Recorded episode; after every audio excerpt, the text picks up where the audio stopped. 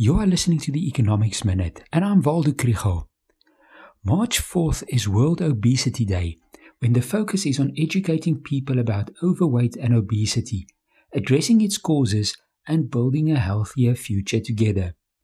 You may be wondering, what does this have to do with the Economics Minute? And the answer is quite a lot. It is estimated that there are 800 million people worldwide who suffer from obesity in South Africa, 41% of women and 11% of men are obese.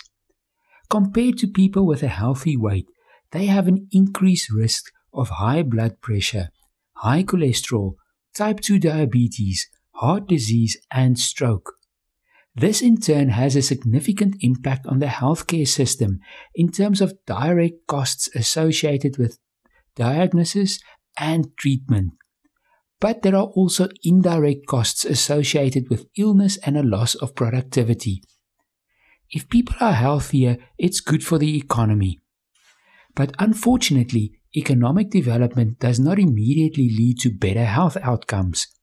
Recent research with the NIDS data shows that people who escape from poverty or vulnerable economic conditions and become part of the middle class often face the health risks of obesity economic development is closely related to the so called nutrition transition.